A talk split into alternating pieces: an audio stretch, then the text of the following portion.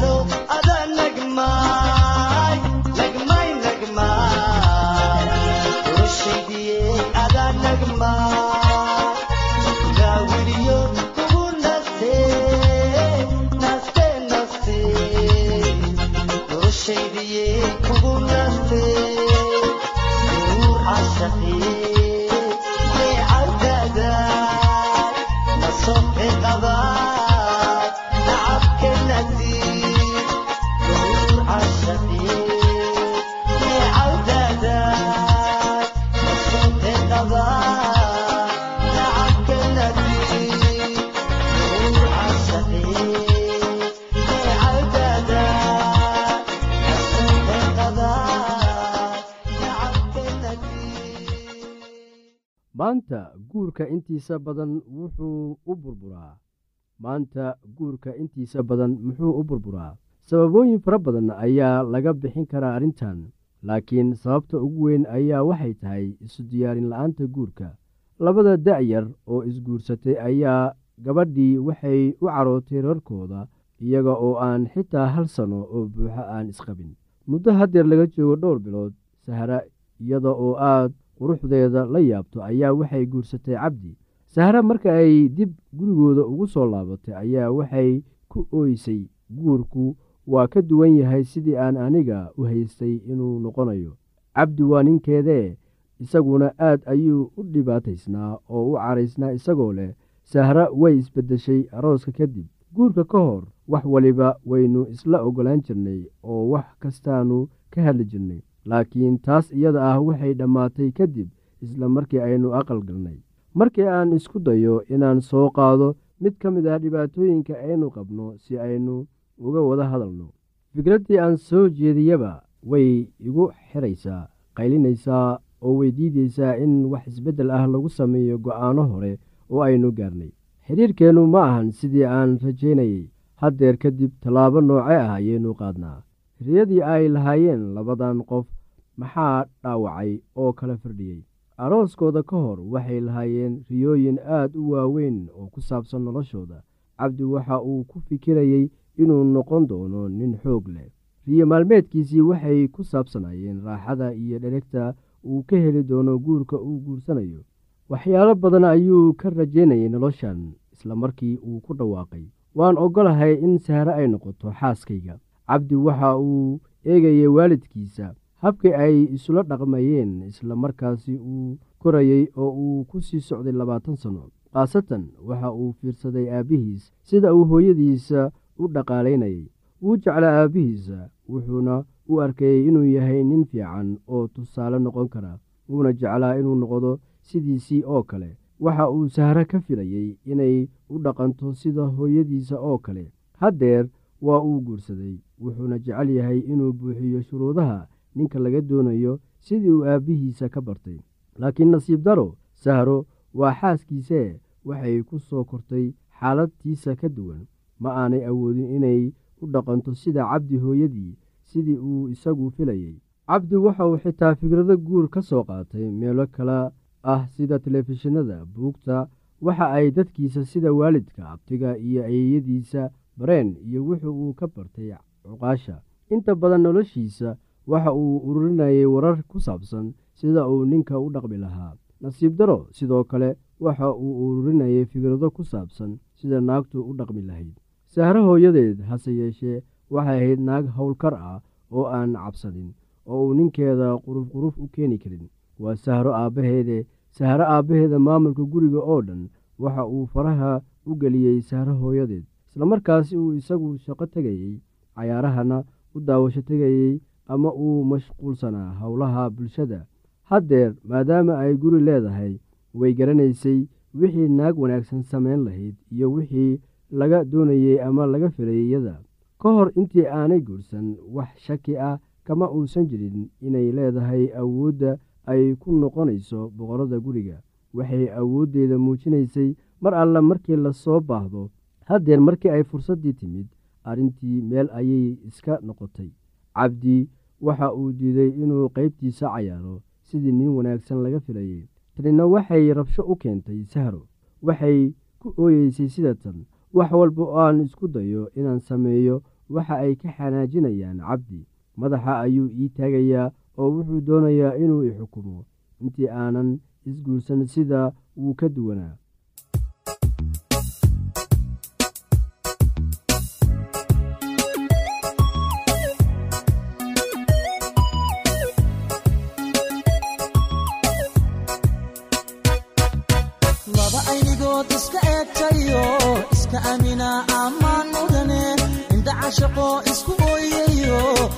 is-ilaashada ammaan mudane axdigay dhigteen u adkaystayo aroos gala ammaan mudane.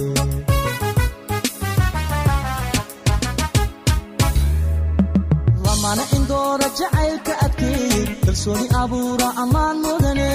Ahay nasiibku intuu u ekaade aroos gala ammaan mudane. Ubax ordino iscaashaqayba allaylehe ammaan mudane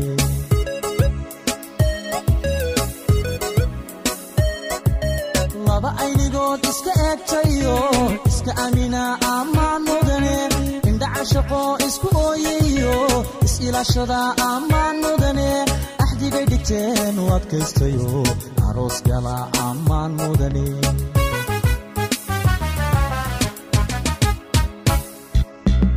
lamana indooda jacaylka adkeeye kalsooni abuura ammaan mudane. Ahay nasiibku intuu u ekaade aroos gala ammaan mudane. Ubax ordino isxaashaqayba allaylehe ammaan mudane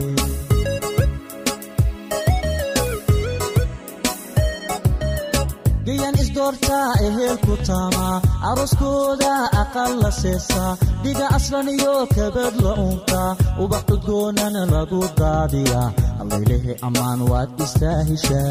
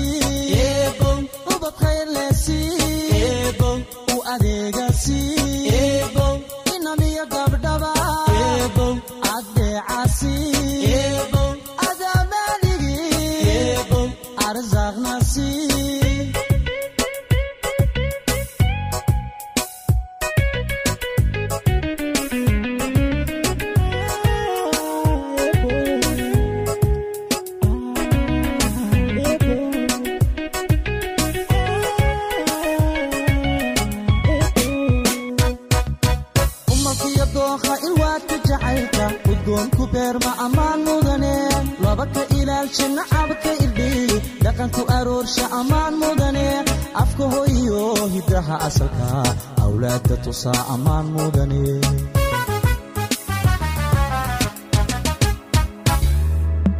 laba aramida imtixaanka jacayl u adkaystebaa ammaan mudane abaabulka guurka nolol istareex leh labay u ahaata ammaan mudane laba ubadkooda ku abaabsha oo islaamnimo baray ammaan mudana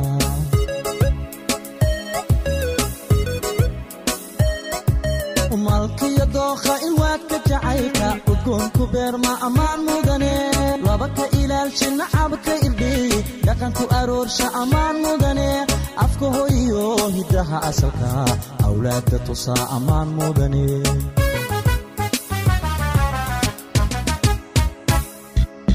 Laba aramida imtixaanka jacayl u adkaystebaa ammaan mudane abaabulka guurka nolol istareex labay u ahaata ammaan mudane laba ubadkooda ku abaabsha oo islaamnimo baray ammaan mudana.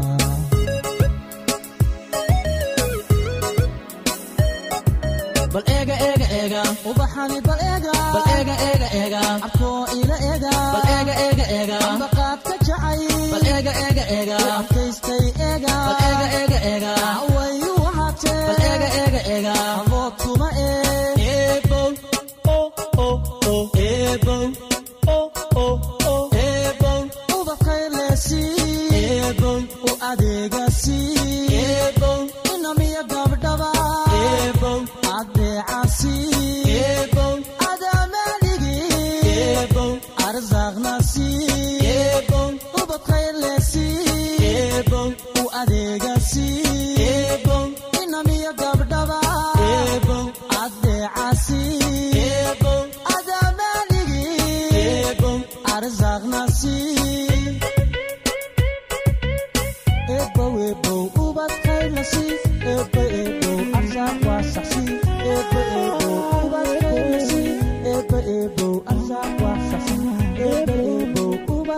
ubadkaylasi ebo ebow arsaaq waa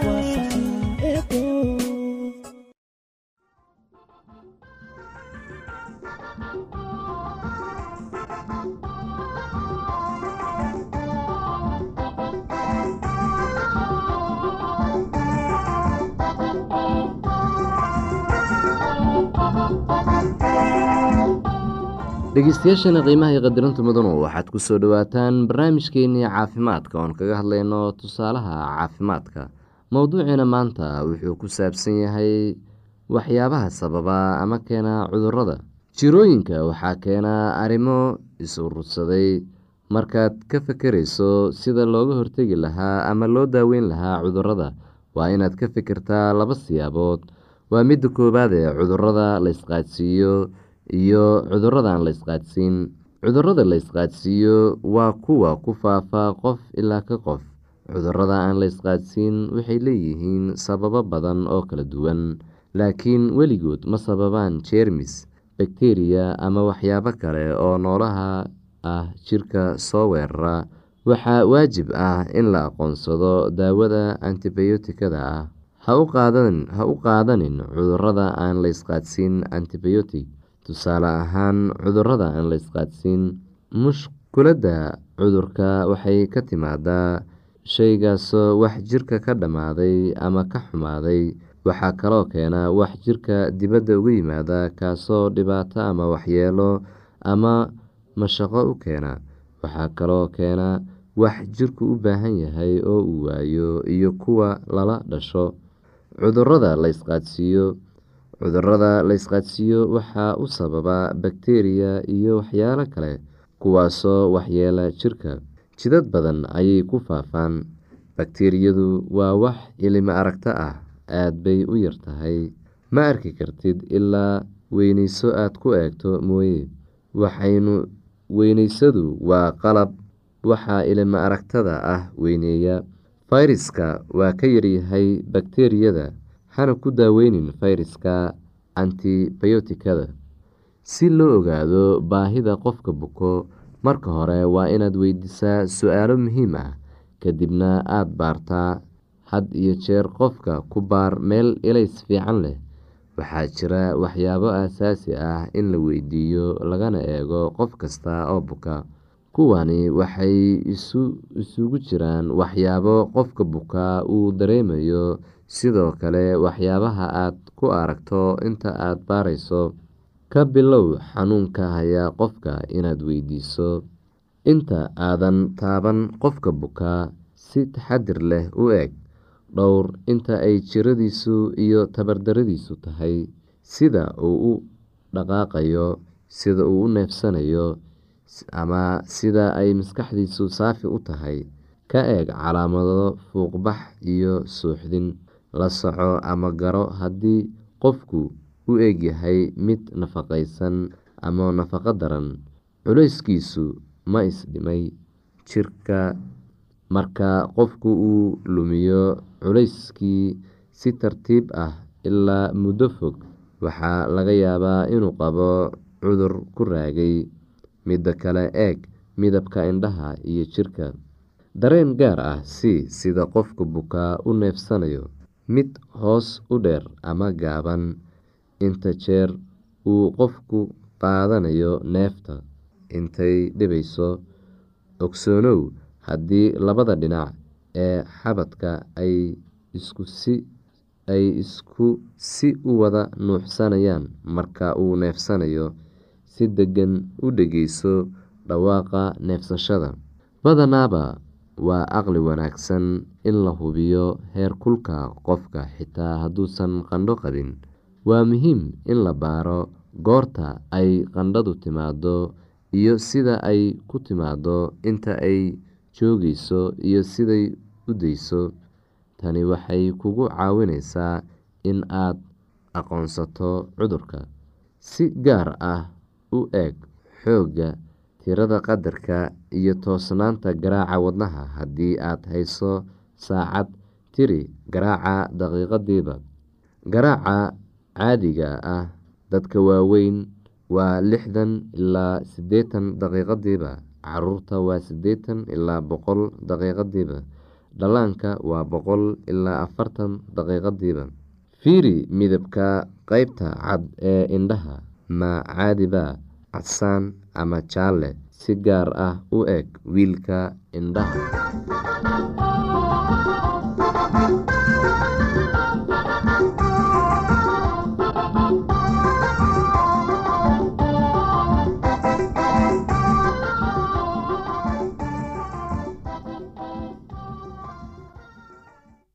haddii aad qabto wax su'aalaha fadlan inala soo xiriir. ciwaankeenna waa radio somaly at yahu t com. Mar labaad ciwaankeenna waa radio somaly at yahu dt com. Barnaamijyadeena maanta waa naga intaas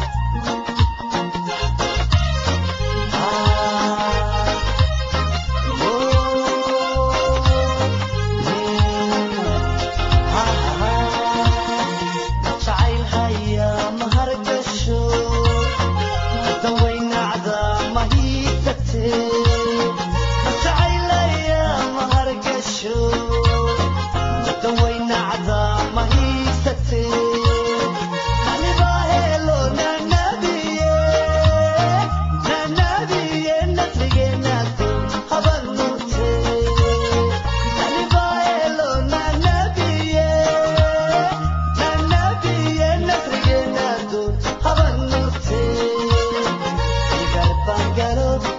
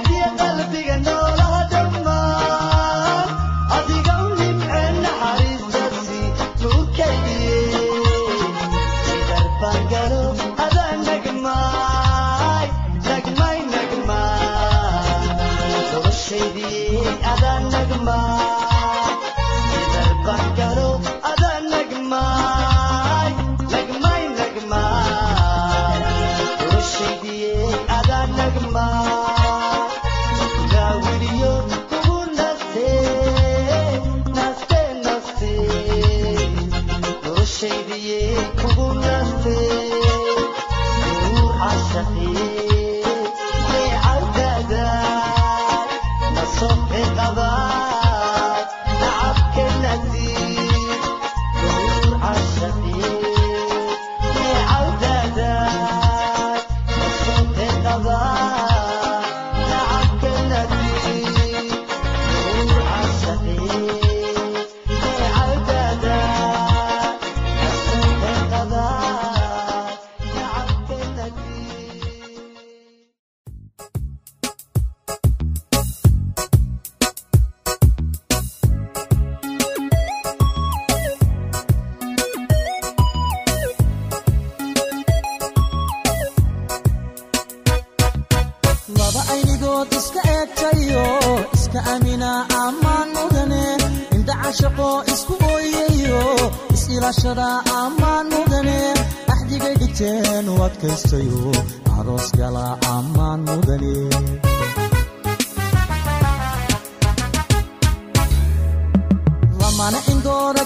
jacaylka adkeey kalsooni abuura ammaan mudane ahay nasiibku intuu u ekaade aroos gala ammaan mudane ubax ordino isxaashaqayba allaylehe ammaan mudane.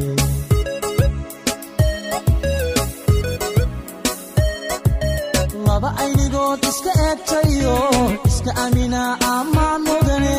Indhacashaqo isku ooyayo is-ilaashada ammaan mudane axdigay dhigteen u adkaystayo aroos gala ammaan mudane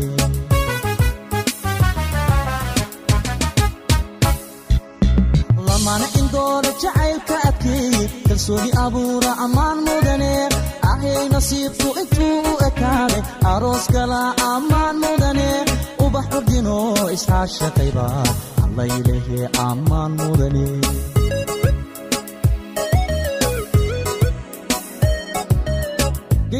gayan isdoortaa ehelku taamaa arooskooda aqal la seesaa dhiga aslan iyo kabad la uuntaa ubax cudgoonana lagu daadiyaa allaylehe ammaan waad istaahishaa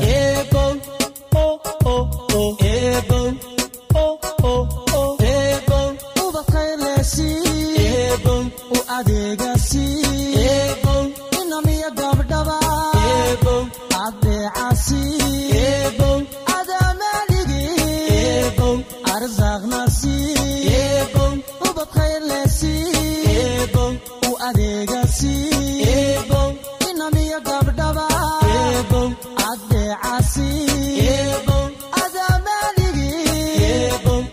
arzaaqnasi umalkiyo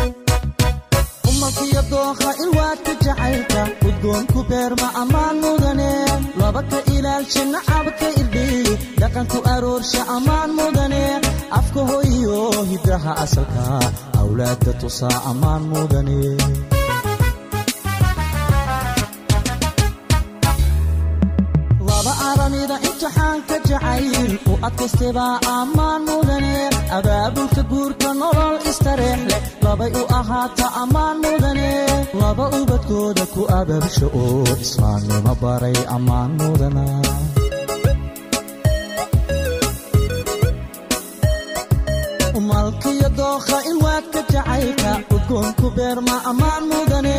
Laba ka ilaalsha nacabka irdhiy dhaqanku aroorsha ammaan mudane. Afka hoyo hiddaha asalka awlaadda tusaa ammaan mudane.